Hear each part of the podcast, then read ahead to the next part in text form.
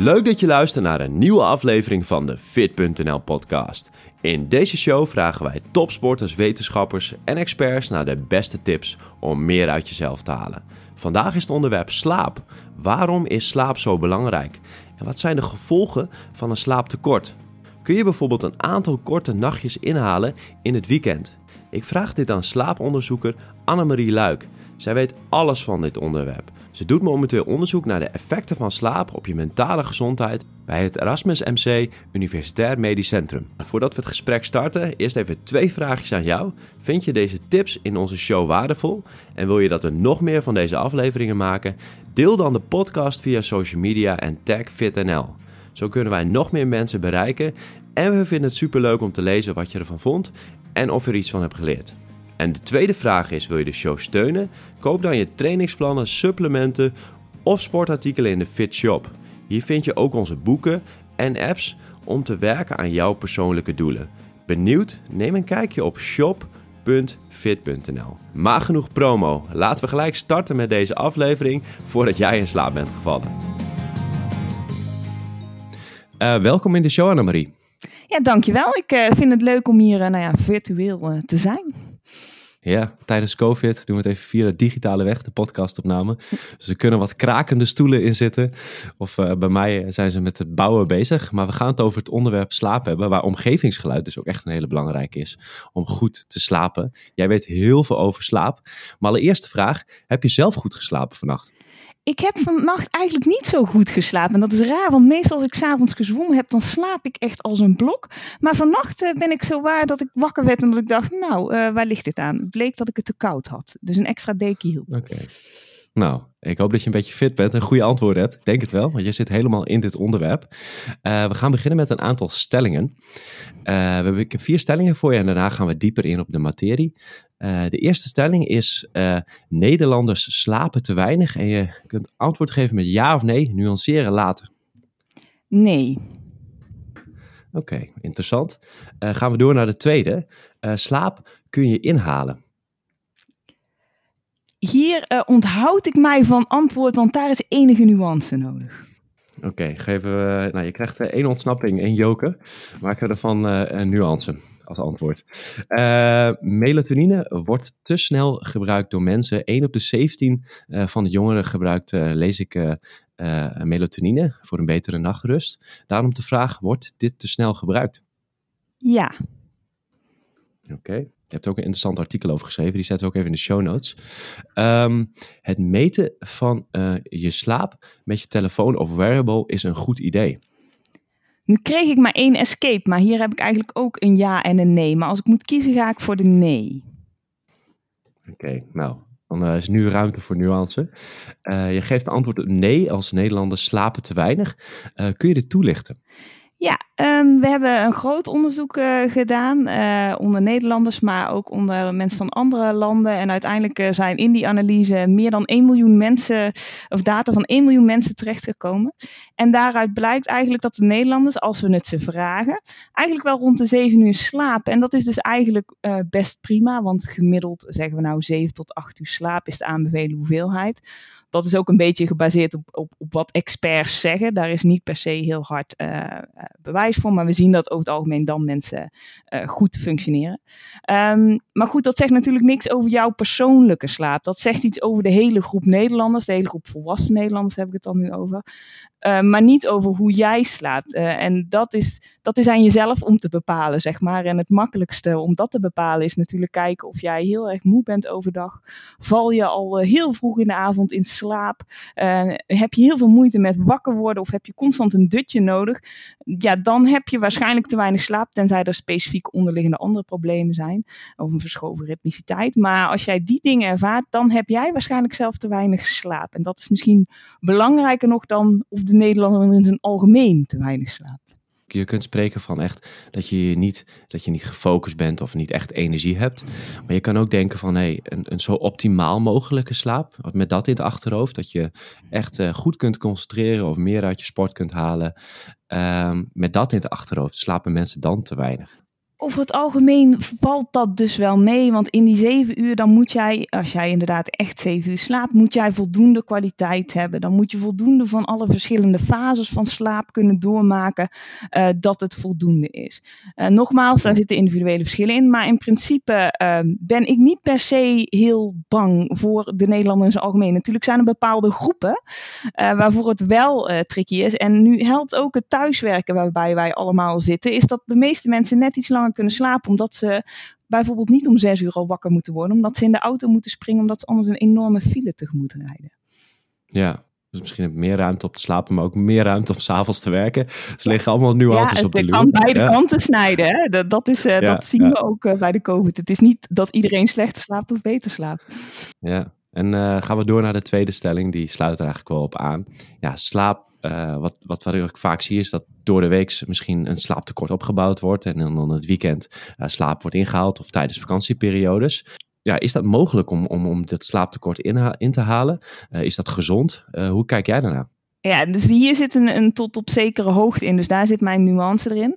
Uh, we hebben studies die lijken te suggereren dat als jij inderdaad uh, in het, in, uh, door de week te weinig slaapt en je haalt dat in in het weekend, dat dat bijvoorbeeld toch je, je kans op verhoogde mortaliteit die je hebt bij korte slaap weer iets verkleint. Dus in die zin kun je het tot zekere zin inhalen en dat effect weer een beetje te niet doen. Maar het is waarschijnlijk niet zo dat je daadwerkelijk alles kunt inhalen.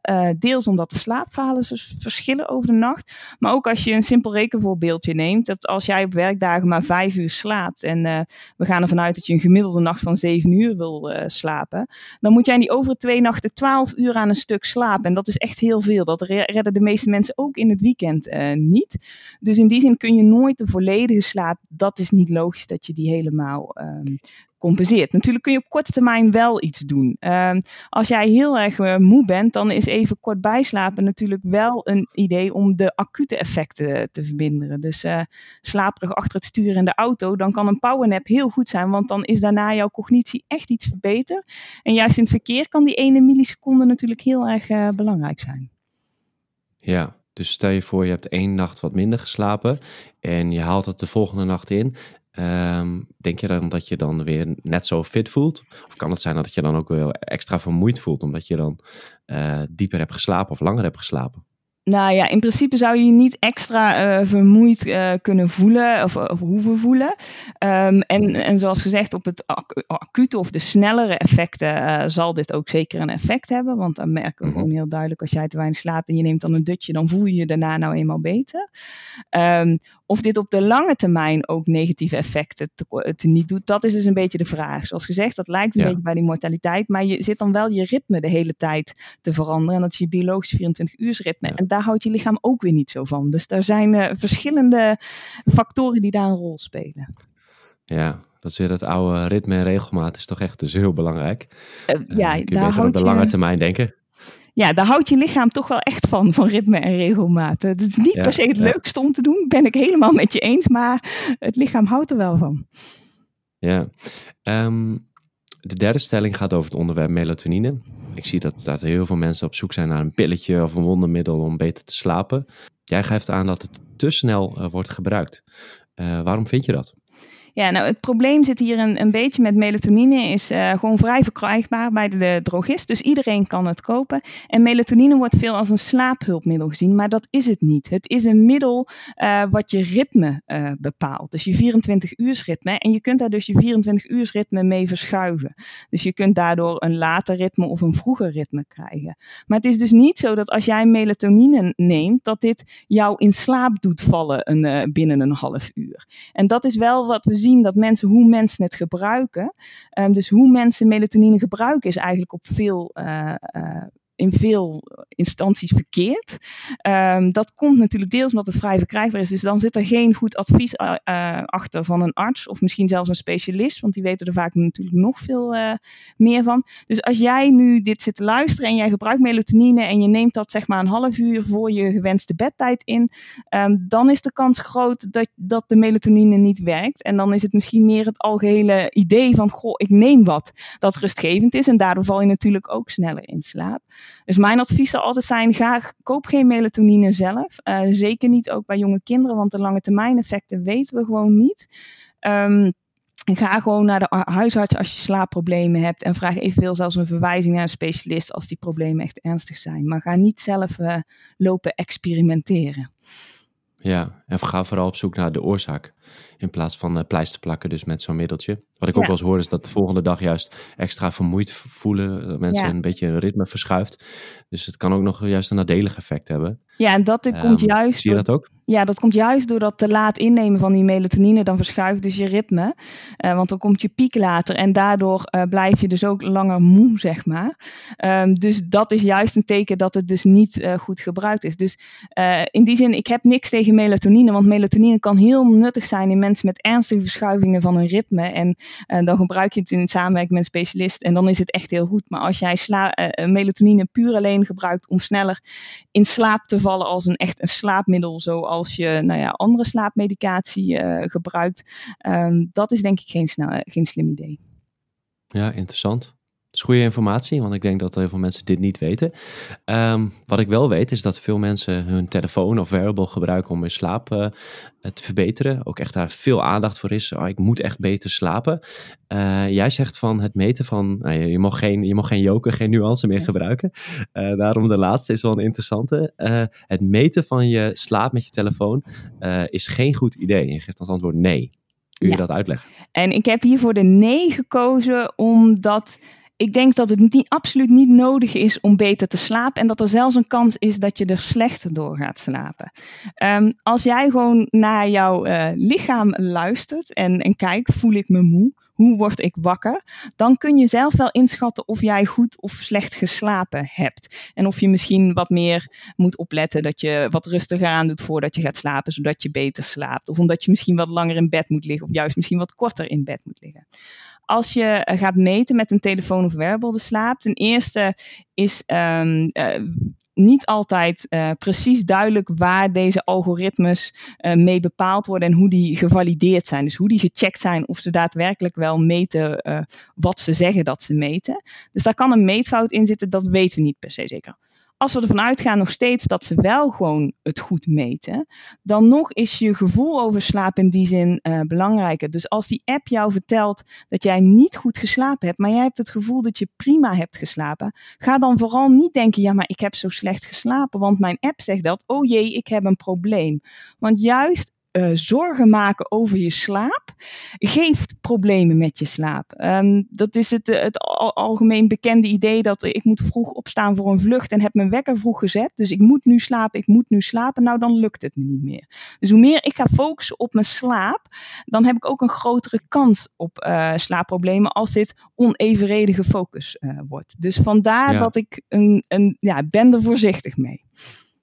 Ja, er zit een soort van rare paradox in. Dat als je ergens op focust, dat het eigenlijk slechter kan worden. Ja, dat is, dat is, en dat is, dat is met veel dingen niet zo. Maar je ziet het natuurlijk ook soms met sommige dingen die automatisch gewoon beter gaan dan als je er opeens heel erg over na gaat denken. Uh, omdat ze zo ingetraind zijn. Uh, dat is natuurlijk voor slapen ook gewoon een beetje het geval. Maar het is inderdaad helaas niet zo als uh, met sporten van, goh, ik ga hier heel erg focussen op mijn techniek en dan word ik beter. Ehm, tuurlijk, je ja. kunt dingen aanleren en, en je kunt natuurlijk echt wel nadenken van, oh, dit is slim voor mijn slaap en dit niet. Maar over veel gaan focussen op ik moet nu slapen, dat uh, werkt helaas niet. Ja, en wat is, als je dan, je hebt de wearables en telefoons, wat is dan echt de gouden standaard om het wel echt goed te meten? Gebeurt dat in een ziekenhuis? Ja, de, de, gouden standaard is wat wij noemen polysomnografie. Uh, dat betekent niks anders dan veel meten tijdens de slaap. Dus de poly is de veel, de somno is de slaap en de gram is het meten.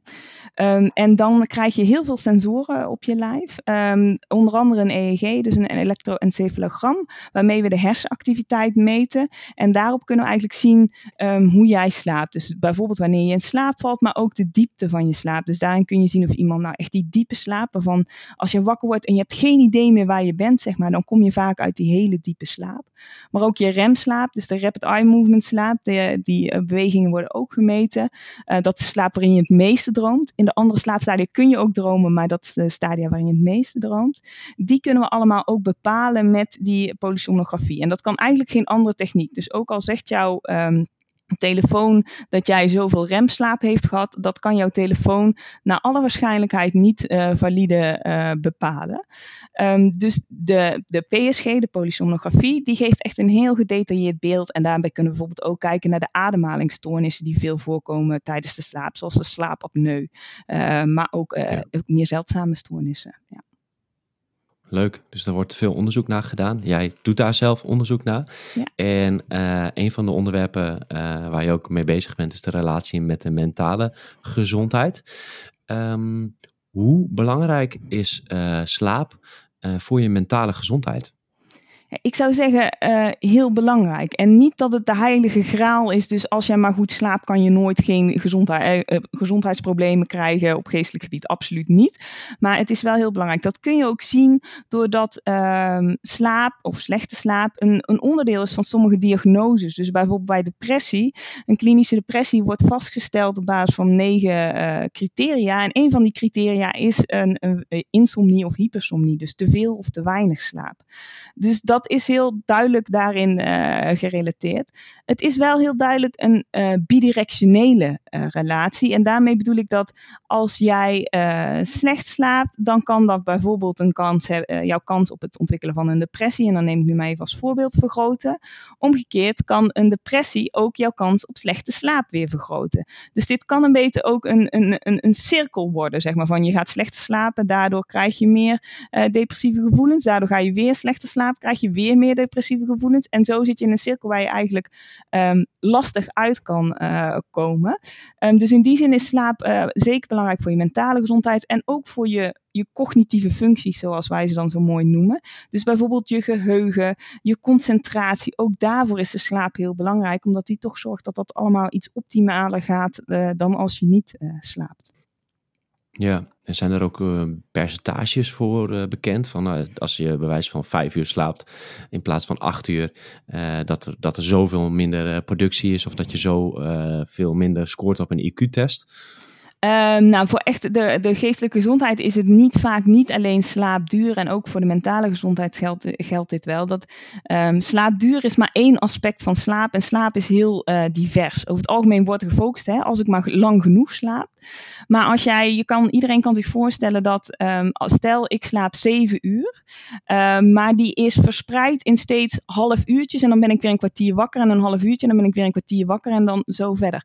Of, en de ander die slaapt, nou ja, het is een zeven uur periode, zeg maar, nou, in één stuk. Dat is niet helemaal reëel, maar goed, bij wijze van.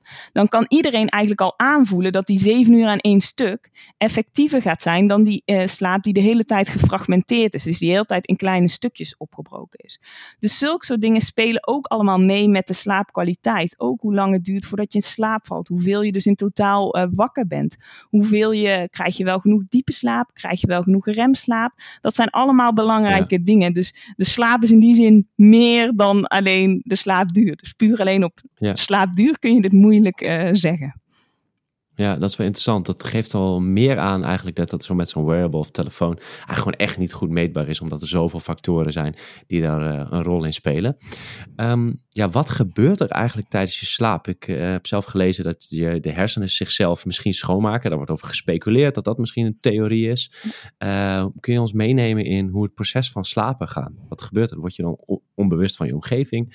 Uh, wat is slaap precies? Ja, dus bij, uh, bij slaap gaat je, je lichaam ontspant natuurlijk helemaal. En dat wordt tijdens de remslaap zelfs nog een stukje uh, sterker. Omdat we dan natuurlijk willen dat je niet te veel beweegt. En daarna zijn je hersenen vrij actief.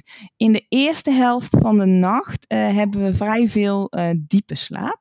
En de diepe slaap um, die wordt meer gezien als ook wel belangrijk voor het herstel. Um, dus um, daaraan, daarom zit hij waarschijnlijk ook in het eerste gedeelte van In het tweede gedeelte hebben we meer remslaap. Uh, die is ook belangrijk bijvoorbeeld voor uh, emotionele uh, verwerking van, van dingen die gebeurd zijn. Um, dus dat bouwt zich op. Gemiddeld genomen gebeurt dat in ongeveer uh, 90 minuten cirkels uh, of, of ja, uh, periodes.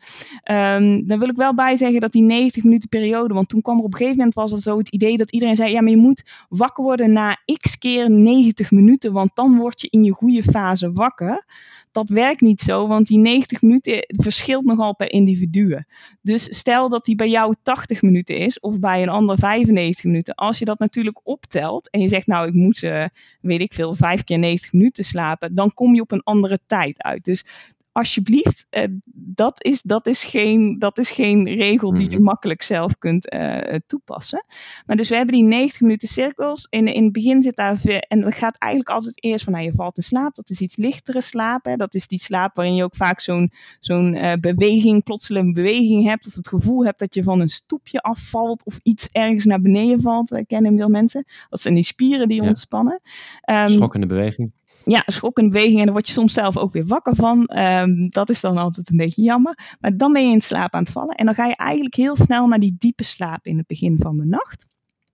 En dat wordt dan uh, minder diep slaap. Dan krijg je een korte, hele korte fase remslaap. En dan begint er weer 90 minuten.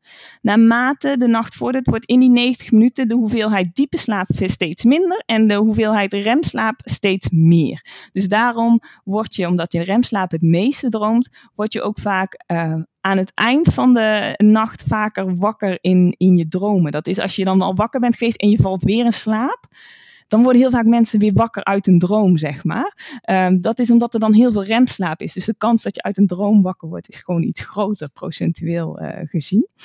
Um, dus dat is eigenlijk een beetje hoe die uh, nacht verloopt. En je, je hersenen zijn dus eigenlijk de hele nacht uh, gewoon bezig. En dat zien we ook op die golven, hele grote, diepe golven in, in, de, in de in de diepe slaap. En in de remslaap ja, lijkt het die veel golven zijn, zijn. Die, die, golven zijn, zijn hersenactiviteit, wat er dan gemeten wordt. Dat, wat je eigenlijk ook overdag, als je bijvoorbeeld bewijs van ergens over nadenkt, van een moeilijke wiskundige formule, uh, dat is een beetje vergelijkbare hersengolven. Ja, het zijn gewoon echt hersengolven. En maar jouw brein is ook al, denk je niet na over een moeilijk wiskundig probleem, dan nog is het aan alle kanten druk bezig. Uh, er gebeurt zoveel in jouw brein uh, dat dat haast voor ons, nou, dat is haast moeilijk voor te stellen, wat je brein allemaal wel niet allemaal tegelijk doet. En uh, inderdaad, qua functie is ook ooit namelijk bedacht van nou, maar misschien is slaap wel gewoon om energie te besparen. Hè? Was dat gewoon uh, efficiënt, want dan hoefde je minder te eten. Dat is dus ook niet echt het geval. Je, je, je bespaart niet bijster veel calorieën door te gaan slapen versus uh, gewoon ergens rustig te ja. zitten. Um, en inderdaad, je noemde al het schoonmaken van de hersenen. Dat is dus onder andere een functie die, waar we denken dat slaap een rol in speelt. maar ook voor het geheugen is slaap uh, uh, belangrijk en uh, het algemene herstel wordt slaap een belangrijke functie toegedicht. Maar ook daar gebeurt nog veel onderzoek op om daar nou precies de fijne details in, in, te, nou ja, in te weten te komen. Ja, interessant. Misschien gaat er een soort van stofzuiger door je hersenen. Dus dat is, uh, dat is heel boeiend. Maar ook met heel veel van zulke processen, ook met voeding, we weten eigenlijk nog niet helemaal hoe het werkt. En, en daar wordt nog, dat ik misschien over 50 jaar hebben we een, beter beeld van. Dus het is een interessant onderzoeksveld. En ook een heel belangrijk onderzoeksveld. Uh, meer praktische uh, vraag. We hebben het al een beetje besproken. Je zei, ja, hoeveel slaap heb je nodig? Je ziet adviezen altijd van 8 uur. Je moet, je moet minimaal 8 uur hebben geslapen. En je zegt nou, minimaal 7 uur hoor ik voorbij komen. Um, wat is nou echt een goede indicatie voor jezelf om te weten of je voldoende hebt geslapen? Als jij overdag spontaan in slaap valt, dus jij zit in een vergadering en jij dut steeds weg, dat is een teken dat je echt te weinig slaapt. Ook als jij... Ja, dat is een extreem. Ja. Dat is een extreem. Dus hoe kun je het aan de ene kant zetten van 0 tot 10? Van dat, dat, dan, dat is heel duidelijk dat je onvoldoende ja. hebt geslapen. Maar je hebt natuurlijk ook dat je denkt van, oh, ik wil toch eens, ik wil wat meer uit mijn leven halen. Um, wat zijn dan meer echt subtiele indicaties? Nou je, je concentratie is natuurlijk iets minder, maar je kunt het vooral ook merken aan um, hoe snel val jij uh, s'avonds in slaap. Als jij s'avonds in bed gaat liggen en je bent gelijk als een blok weg, dan is er een redelijke kans dat jouw lijf meer slaap nodig he heeft. Uh, omdat hij denkt, oh ja, nu kan ik het, nu moet ik het gelijk pakken. Uh, dus dat zijn eigenlijk meer de dingen waar je op kunt focussen, omdat die makkelijker in te schatten. We weten namelijk ook dat als jij heel kort slaapt, dat jouw vermogen om jouw eigen prestaties in te schatten steeds slechter wordt. Dus je gaat in die zin je functioneren een beetje overschatten. Dus in die zin is het denk ik slimmer om te kijken naar je eigen slaapgedrag. Uh, om te bepalen of je genoeg slaapt, dan te kijken naar de effecten overdag. Natuurlijk zijn de effecten overdag uiteindelijk waarom je meer of minder wil slapen. Maar de, de, de dingen rondom je slaap geven daar indicaties over. Dus bijvoorbeeld heel snel in slaap vallen is vaak een teken dat je misschien toch iets te weinig uh, slaapt. Um, als jij bijvoorbeeld heel veel wakker in bed ligt, dan, lig je, dan heb je waarschijnlijk of voldoende slaap of je hebt echt een slaapstoornis. Uh, maar als jij verder daarbij goed functioneert, dan, dan slaap je waarschijnlijk voldoende. Als jij zonder een wekker wakker kan worden, dat is over het algemeen ook een goed teken. Ja, nou, dat zijn uh, wel waardevolle inzichten. Ik denk ook op een gegeven moment als je gewend bent aan een slaaptekort, dat je op een gegeven moment die lat misschien ook steeds lager gaat leggen. Dus dat is de reden waarom ik het vraag. Is dat je op een gegeven moment misschien wel gewend bent om gewoon met een slaaptekort om te gaan. En eigenlijk helemaal niet meer weet wat een, wat een optimaal uh, energielevel is. Ja, nee, dit zien we ook. Het voorbeeld dat we daarvoor kunnen geven is um, de mensen met slaapapneu, dus die ademhalingsstoornis. Die worden heel vaak wakker tijdens hun slaap, maar dat hebben ze eigenlijk niet door. En dat komt omdat ze eigenlijk heel benauwd zijn. Um, die mensen hebben vaak niet door dat ze zo slecht slapen. Dus dat ze steeds die, die, die ademhalingsstilstand hebben. En daar zijn mensen die zeggen, nou nee, ik heb helemaal nergens last van overdag. Het is vaak dan de partner die zegt, hij maakt zo'n rare geluid in de slaap en daarom komen die mensen bij die arts bij sommige mensen op het moment dat zij behandeld worden, denken zij: Oh, zo moet het leven zijn. Ik heb me nooit gerealiseerd dat ik zo moe was omdat je natuurlijk je, je threshold verschuift. Um, ik kan me nu, eh, weet je, ik, ik kan natuurlijk nog wel vaag denken: goh, een nachtje doorhalen is voor mij veel moeilijker als vroeger. Maar ik kan dat niet meer echt vergelijken, omdat dat langzaam geleidelijk gaat. Dus dat is uh, lastig om dat echt het effect de kleine effecten echt op je eigen, uh, op je eigen doen, echt daarin te beoordelen. Um, dus ja, er is een redelijke kans dat als jij steeds minder slaapt, je denkt, ja, maar het gaat nog ongeveer hetzelfde als voorheen. Ja, dat is misschien ongeveer hetzelfde als toen je ook al te kort sliep. Uh, maar niet met vergelijking toen je voldoende sliep. Dus dat uh, sla slaapt. Dus dat is een beetje lastig daarin. Ja, iets om goed van bewust te zijn. Dus dat is een interessant punt. We hebben veel luisteraars die veel sporten. Mm fanatiek sporten. En een vraag die ik wel regelmatig krijg is ook, moet je ook meer slapen als je veel sport? De, dit ligt een beetje aan uh, hoeveel uh, je, je sport. Als jij een echte topsporter bent, dan is er vaak ook wel advies vanuit artsen van nou, wanneer moet ik nou slapen, hoeveel moet ik slapen. Je ziet ook topsporters opeens veel meer dutjes doen. Dus ja, er zit een bepaald herstel nodig. Voor de uh, gewone sporter, en de gewone sporter kan ook al echt best wel een fanatiek sporter zijn, is dit over het algemeen niet nodig. Um, hierin geldt eigenlijk ook, volg hierin je lichaam. Als jouw lichaam je vertelt dat je slapig bent en moe bent overdag, dan neem wat meer tijd om te slapen. Als jouw lichaam het niet nodig is, is het ook heel moeilijk om meer te slapen dan is er niet iets wat we kunnen doen van hé, hey, nu ga ik toch slapen, ondanks dat ik het eigenlijk niet nodig heb. Dat werkt niet, dat doet je lichaam niet. Die denkt dan nee, dit gaan we niet doen. Um, dus ik denk dat hierin dat, dat weer dat volgen van, je, van, je, van wat jouw lichaam aangeeft qua slaap, dat dat het belangrijkste is. En dan kan het zijn dat je misschien iets meer slaap nodig hebt. Maar uh, het zal geen enorme grote verschillen doen uh, zijn, tenzij je echt op, op topsportniveau komt. Ja, interessant. Um, ik weet ook dat een, een, genetische variant is dat sommige mensen ja, met vier, vijf uur per nacht uh, ook daar, daar in, uh, kunnen herstellen, zeg maar, voldoende slaap ja. hebben. Uh, dat geldt voor een heel klein percentage. Um, in hoe groot is die variatie tussen mensen? Hoe, hoe klein is die groep die dat heeft? Want ik zie, er is ook zo'n zo, zo groep die zegt, ja, van ondernemers of nou, zo'n hele rage geweest van, ja, je hebt maar vier, vijf uur slaap nodig en je moet alles doen. hoe klein is die groep die dat heeft en hoe groot is de variatie in slaap? Nou, de variatie in slaap is echt eh, enorm. Um, dus inderdaad, je hebt die hele kleine extreme groep. En dat is echt een kleine extreme groep. De meeste mensen die zeggen dat ze daartoe horen, die behoren niet tot die groep. Um, dus die heb je die inderdaad met vier uur uh, toe kunnen. Maar je hebt ook mensen die echt gewoon minstens tien uur nodig hebben. Um, dat is gewoon echt. Uh, dus die variatie is er echt. Die is deels inderdaad uh, ook echt genetisch bepaald. Dus daar kun je dan verder ook zelf echt niks aan doen. Je kunt jezelf daar niet op trainen uh, of, of wat dan ook.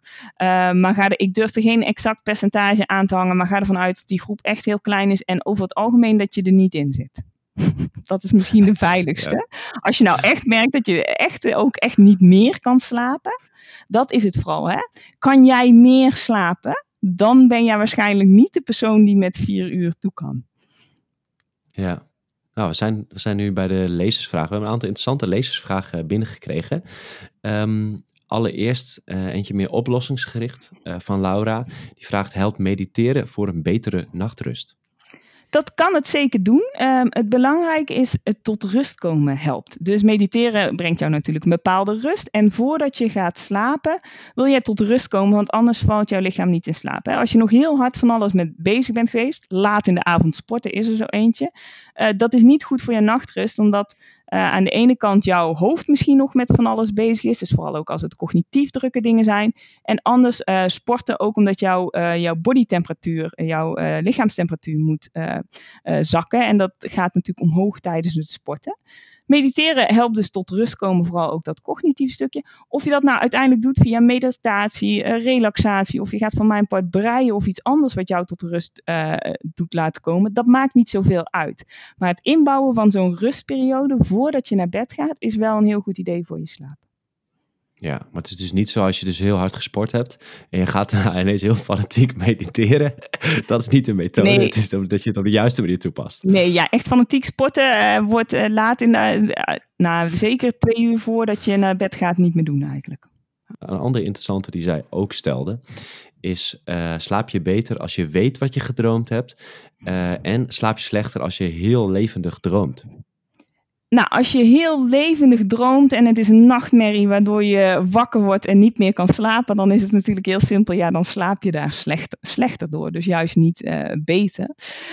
Um, maar goed, dat, dat, dat, is ook iets, dat zijn echt de, de nachtmerries en waardoor je daarna niet meer in slaap kan vallen. Over het algemeen heeft onze droominhoud niet zoveel effect op onze slaap uh, in die zin. Dus of jij weet dat je gedroomd hebt of niet, maakt niet uit. Um, jij hebt waarschijnlijk sowieso, of nee, hebt sowieso gedroomd. Of je dat weet of niet, ligt waarschijnlijk vooral aan wanneer jij wakker wordt. Um, er zijn mensen die nooit hun dromen herinneren. Die mensen slapen niet per definitie slecht. Er zijn mensen die herinneren zich wel drie dromen per nacht. Die mensen slapen niet per se slecht of goed ook niet. Dus dat maakt eigenlijk uh, niet uit. Um, maar ja, het enige is dus wat dromen kunnen doen als ze heel vervelend zijn. Of nou ja, misschien zo leuk dat je er nog een half uur wakker van ligt te lachen. Dat is minder erg natuurlijk. Um, dan, uh, dan, dan heeft het je slaap verstoord in dat opzicht. Hmm, dat is wel interessant. Het is wel uh, informatie die ik niet wist. En die relatie tussen slapen en dromen. Um, een andere interessante vraag is van Robert Jan. Um, hij vraagt van, stel je voor, je hebt, er is sprake van een depressie of heel veel stress. Um, en je hebt aan de andere kant heb je ook natuurlijk de slaapproblematiek. In hoeverre is daar dan die relatie die we al besproken hebben, maar wat zou je eerst moeten aanpakken? Zou je eerst met de oorzaak, bijvoorbeeld die, de enorme stress, uh, want er zit een visieuze cirkel, of moet je met die slaapproblemen aan de slag gaan? Ja, daar, is, uh, daar doen wij zelf ook wel veel onderzoek naar. Um, en daar zien we eigenlijk dat dit twee kanten op kan gaan. Um, dus wij hebben vooral gekeken naar uh, insomnie en depressie. En daar zien wij dat als wij insomnie behandelen in patiënten met ook depressie, dan verlicht de depressie. Ondanks dat het misschien is gestart met de depressie. Dat maakt niet uit. Omgekeerd, als jij een depressie behandelt, dan zul je ook wat uh, verbetering zien in de insomnie. Dus eigenlijk zou ik daarin aanraden dat je uh, begint met wat voor de patiënt het logischste is of het makkelijkste is. Een voorbeeld hiervan is voor, uh, voor posttraumatische mensen met een posttraumatische stressstoornis. Kan de therapie best heel intens zijn, want je vraagt naar een trauma. En dat is natuurlijk best wel heel erg nou ja, flink iets om naar te vragen en over te hebben. Die mensen hebben vaak ook slaapproblemen. Er zijn onderzoeken gaan om te kijken van, hé, hey, maar als we nu eerst die slaapproblemen behandelen, dan hebben mensen al een beetje meer vertrouwen in de therapie. Uh, hè, dan hebben ze al kennis gemaakt met psychologische therapie, met bepaalde technieken. Dan kan dat misschien juist het vertrouwen opbouwen om daarna beter of makkelijker aan dat trauma te gaan werken. Ook misschien wel omdat je beter slaapt en dus je cognitief misschien net iets meer aan kan. Dus daar kun je, daar, daar, daar kun je echt specifiek per persoon, denk ik, het beste een keuze in maken het, het, is niet per se zo dat als je dus uh, de depressie eerst ontstond, dat je eerst de depressie aan moet pakken. Of de insomnie, dat je per se eerst de insomnie aan moet pakken. Daar, kan, daar, zit, ja, daar zit een beetje um, nou ja, een variatiemogelijkheid in.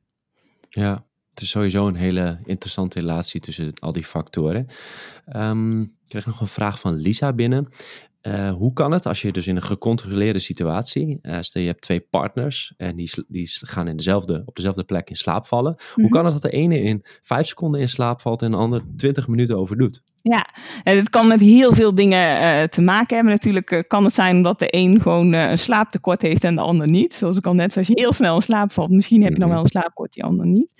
maar ook mensen zijn verschillend gevoelig voor geluid. De ene wordt helemaal gek van een tikkende klok, bij wijze van in zijn, in zijn slaapkamer, terwijl die ander die hoort het niet eens. Um, de een vindt het prima om met gordijnen open te slapen, de ander denkt nou nee, echt niet. Ik moet een hele, do hele donkere kamer hebben. Dus mensen hebben een verschillende gevoeligheid voor uh, factoren die uh, invloed hebben op hoe wij slapen. En daarnaast kan het bijvoorbeeld ook zijn dat de een veel makkelijker tot rust komt. nou ja, dan val je ook al iets makkelijker in slaap. Dus daar zitten gewoon heel veel individuele verschillen in, in hoe gevoelig mensen zijn voor factoren die de slaap kunnen beïnvloeden. Ja, dat is een beetje verweven met de laatste uh, lezersvraag van André. Hebben oordoppen uh, een positief effect bij slaapkwaliteit? Ik denk dat het antwoord gewoon ja is. Als je omgevingsgeluid hebt. Ja, dat is uh, in principe zo. Maar ik weet ook dat sommige mensen die kunnen helemaal niet tegen oordoppen. En die worden heel gek van hun eigen ademhaling horen. Op zo'n moment werken die oordoppen natuurlijk niet. Dus als de oordoppen werken dat jij vindt ze fijn zitten, ze doen geen pijn en je hebt daardoor minder geluid en uh, jij kan daar goed uh, mee slapen. Ja, dan werken ze natuurlijk. Je hebt mensen die daar echt juist, of dat het pijn doet of weet ik veel wat. Ja, op zo'n moment gaat het natuurlijk je slaap niet meer helpen. Maar in principe ja, is, is een, een meest, zoveel zoveel mogelijk stille ruimte, uh, een, een relatief donkere ruimte of een echt donkere ruimte zelfs. Um, een goede uh, temperatuur van je kamer, dus niet te koud, niet te warm. Dat zijn allemaal uh, voorwaarden die het in slaap vallen kunnen verspoedigen. Ja, over die, die evening routine. Wat is jouw eigen favoriete evening routine om, om, om op goede manier een beetje af te koelen als het ware om goed in slaap te vallen? Ja, ik doe eigenlijk, ja, ik zit vaak gewoon nog even uh, rustig op de bank, ruim nog even het aanrecht op, zeg maar, zulke soort dingen, uh, poets mijn tanden. Um, soms lees ik nog een stukje, soms, nou, met de corona ben ik zo verveeld geraakt dat ik tegenwoordig ook haak. Dus soms haak ik nog een stukje. um, dus, nou ja, ja, kleine dingen eigenlijk. Maar wel altijd, ik ga zelden dat ik zeg maar thuis kom en gelijk mijn bed inplof, zeg maar. Dus even dat momentje gewoon nemen om uh, tot rust te komen. Ja, en dat is wel, uh, dat is wel zeker een hele belangrijke. Ik doe dat zelf ook. Um, ja, ik gebruik vooral boek momenteel om te lezen, om even te ontspannen. Nou, je noemt het zelf ook. Uh, dat sluit mooi aan bij onze uh, vraag die we naar elke podcast gast vragen. Welk boek uh, zou jij aan de luisteraars of aan een geliefde weg willen geven, wat heel waardevol is of bepaalde inzichten geeft? en waarom geef je die weg? Ja. Um, ik zou het boek The Immortal Life of Henrietta Lex van Rebecca Skloot geven. Dit is een, een boek wat ik eigenlijk denk dat voor elke medische wetenschapper sowieso verplichte kost zou moeten zijn, maar dat ik denk dat voor iedereen heel erg waardevol zou zijn om, uh, te, om te lezen. Omdat dit gaat over de ethische kwesties rondom medische wetenschap, maar ook uh, ras. Het uh, boek beschrijft de HeLa-cel. Dat is een cellijn die heel veel gebruikt wordt in onderzoek. Het is de oudste cellijn. het is en, en die uh, is onder andere bijvoorbeeld gebruikt uh, bij het ontwikkelen van het eerste poliovaccin, maar ook nog heel veel kankeronderzoek maakt daar gebruik van. Die cel die komt, uh, is afgenomen bij Henrietta Lex in de jaren 50. Dat was een Afro-Amerikaanse vrouw met eh, baarmoederhalskanker. En die cel is zo bekend en beroemd geworden omdat dit de eerste cel was um, die buiten het lichaam bleef doordelen. En daardoor voor heel veel onderzoek van waarde is. Het probleem is dat haar nooit gevraagd is of zij die cellen mochten afnemen en daarmee verder mochten gaan. Dat werken en uiteindelijk zelfs uh, gecommercialiseerd is. Dat was niet gebruikelijk in de jaren 50 om dat te doen. Dat doen we gelukkig allemaal nu een stukje beter. Maar ik denk dat uh, dat heel mooi weergeeft um, dat we de mens niet uit het oog moeten verliezen als we wetenschap aan het doen zijn. En dat we dat ook met heel veel uh, respect uh, moeten doen. Dus daarom zou ik die eigenlijk voor iedereen uh, gewoon aanraden. Ik denk dat het algemeen ja. goed is om over zulke soort dingen aan te denken. Dat heel veel dingen die gewoon werden zien in, in, in eerdere tijden, zeg maar, dat was toen normaal en daar dacht niemand over na. Uh, dat gaat ons over 30 jaar natuurlijk ook overkomen. Dat wij dachten, oh, dit is heel normaal, dat denken wij nu. En over 30 jaar denken we daar misschien over, nou, hmm, was dat nou wel zo netjes van ons? Um, dus voor bewustwording is dat denk ik een heel mooi boek. Als je dit zo beschouwend bekijkt, het is een ethisch wetenschappelijk boek. Is het dan wel het juiste om dat vlak voor je slaap te gaan lezen? Ja, dat ligt eraan hoe erg je, boos jij hierom wordt. Als het je heel veel emoties eh, oproept, dan moet je het niet lezen. Ehm, maar dat is met elk boek. Hè. Ik bedoel, ik ben altijd, moet zeggen, ik ben vrij voorzichtig met bepaalde boeken lezen voor het naar bed gaan. Want als het een goed, een erg goed boek is, of een heel spannend boek is, dan kan ik het niet wegleggen. Dus dan ben ik vier uur later nog aan het lezen, terwijl ik had moeten slapen. Ehm, dus bij mij, wat dat betreft, zou ik sowieso een boek aan, aanraden dat leuk genoeg is, maar niet echt heel leuk, zeg maar. Ja, precies. Duidelijk. Nou, misschien is deze heel goed voor zondagmiddag. Um, even kijken. Uh, we sluiten de podcast altijd af met een finale tip, zeg maar. Eén uh, tip die je in brede zin van het leven kunt geven. Kan zijn voeding, training, beweging, slaap. Uh, welke tip wil je de luisteraar meegeven? Ik zou zeggen, te is nooit goed. Te veel is niet goed, te weinig is niet goed. Dat is niet voor slaap, dat is niet voor binnen je dieet, dat is niet voor uh, sport. Als iets te is, dan is het niet goed. Dus probeer daar uh, balans in te, in te vinden. Te veel focus op je slaap is niet goed. Uh, totaal geen aandacht voor je slaap is ook niet goed.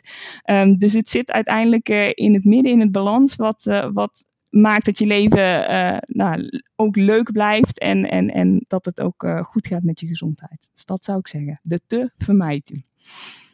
Helemaal duidelijk. Nou, die nemen we mee. Uh, waar ben je momenteel onderzoek naar aan het doen? Wat is misschien nog even leuk om mee te geven? Huidige laatste onderzoeken, papers die gepubliceerd gaan worden? Ja, we hebben op het moment veel rond uh, slaap en geestelijke gezondheid lopen. Dus onder andere over die depressie tussen depressie en slaap, die relatie uh, bidirectioneel. Maar we kijken bijvoorbeeld ook of slaap een extra risicofactor uh, geeft om gecompliceerde rouw te ontwikkelen. Dus hele erge rouwsymptomen na overlijden. Maar we zitten ook naar allerlei biomarkers te kijken voor meer aandoeningen zoals uh, dementie um, en Parkinson. Om te kijken wat nou de relatie van slaap met dementie en Parkinson bijvoorbeeld kan verklaren. Dus uh, er is een hoop gaande. Interessant. Maatschappelijk ook heel relevant, dus waardevol. is een plek waar mensen jou kunnen volgen? Laatste onderzoek, Twitter, ik ben echt enorm slecht in social media. Dus nee, ik heb geen Twitter. Ik heb LinkedIn. Ik heb daar gezocht, maar ik kon niet vinden. ja, nee, klopt. En dat is me ook al meerdere mensen verteld dat ik dit echt moet, uh, moet gaan doen. Um, ik heb wel LinkedIn, dus daar mag je me ook gewoon altijd op toevoegen. En daar komen wel af en toe wat slaapdingen. En ik neem het advies ter harte dat ik hier echt meer aan mee moet gaan doen. Nou, we zetten, er is een video van jou bij de Universiteit van Nederland. Die zetten we ook even in de show notes. Die is ook heel leuk om te bekijken. Uh, dus ja. dat is uh, voor de luisteraar ook interessant om even te kijken. Dan uh, kunnen ze ook zien wie jij bent. Ja. Um, ja, ik wil je erg bedanken voor de waardevolle informatie, de goede takeaways. En nou, ik hoop dat, dat je een goed dekentje hebt, dat je vannacht wat beter kunt slapen. Ja. ja, jij ook bedankt. En ik hoop natuurlijk ook dat alle luisteraars heerlijk slapen. Vannacht en nog heel veel nachten meer. Dit was de aflevering met Annemarie Luik. Wil je meer informatie? Bekijk dan ook even de show notes voor het besproken boek, de artikelen en de video van Annemarie bij de Universiteit van Nederland. Deze is heel interessant om te bekijken.